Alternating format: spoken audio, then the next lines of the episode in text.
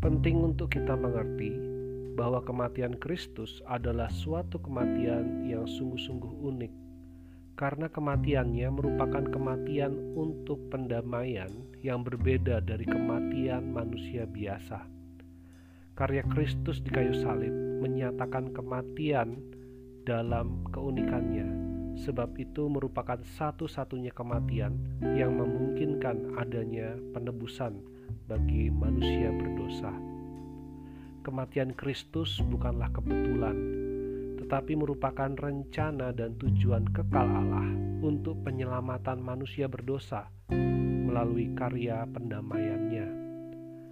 Allah begitu mengasihi manusia sehingga ia mengaruniakan anaknya, Kristus, untuk mati bagi dosa-dosa kita. Besarnya kasih Allah itu ditunjukkannya melalui dua hal. Yang pertama yaitu melalui besarnya pengorbanannya untuk menyelamatkan manusia dari hukum dosa.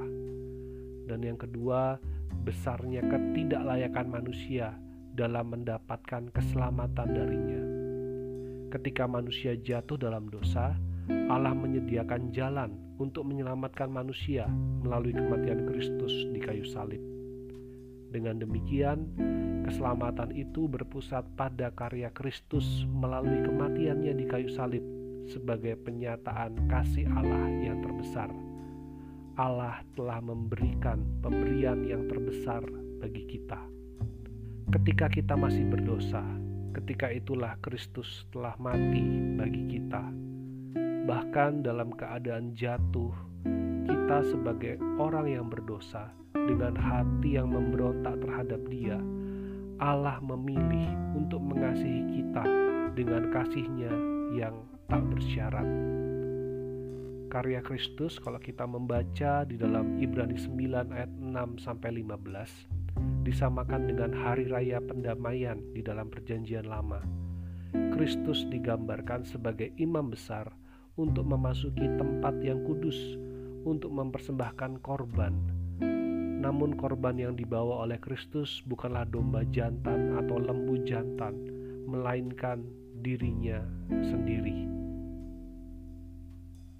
Ini merupakan hal yang penting untuk kita ingat karena dosa adalah penyebab dari murka Allah. Dan untuk meredakan murka ini, ini bukan merupakan soal balas dendam, melainkan soal keadilan. Dan keadilan Allah menuntut untuk pengorbanan, suatu korban yang sempurna, yang melalui hukum Taurat manusia tidak bisa memenuhinya. Hanya ada satu pribadi yang bisa memenuhi akan seluruh hukum itu, yaitu di dalam Yesus Kristus. Karena Allah itu kudus, murkanya ditujukan dan harus dilaksanakan. Dan Allah juga begitu mengasihi manusia sehingga ia menyediakan jalan supaya manusia dapat luput dari kehancuran kekal di neraka.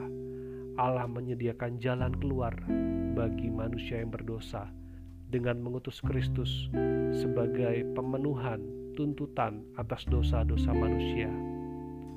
Akibatnya adalah Kristus mati di kayu salib sebagai korban yang sempurna di hadapan Allah, dan melalui korban itu kita yang percaya dan beriman kepadanya, kita menerima pengampunan, kita diselamatkan. Kita semua adalah manusia berdosa.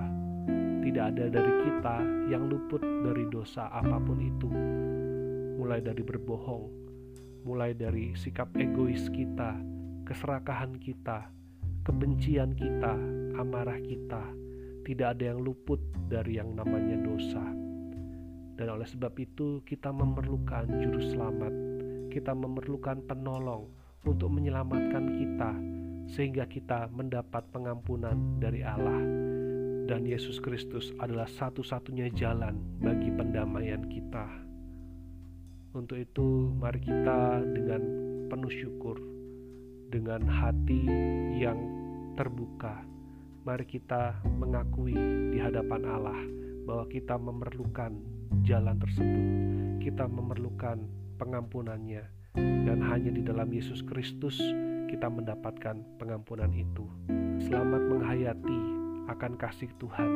Mari kita datang dalam ibadah kita di Jumat Agung ini dengan sungguh-sungguh, dengan ucapan syukur kita, dengan menyadari akan kasih Allah yang begitu besar yang telah Ia kerjakan, bahkan sampai berkorban nyawa bagi setiap kita.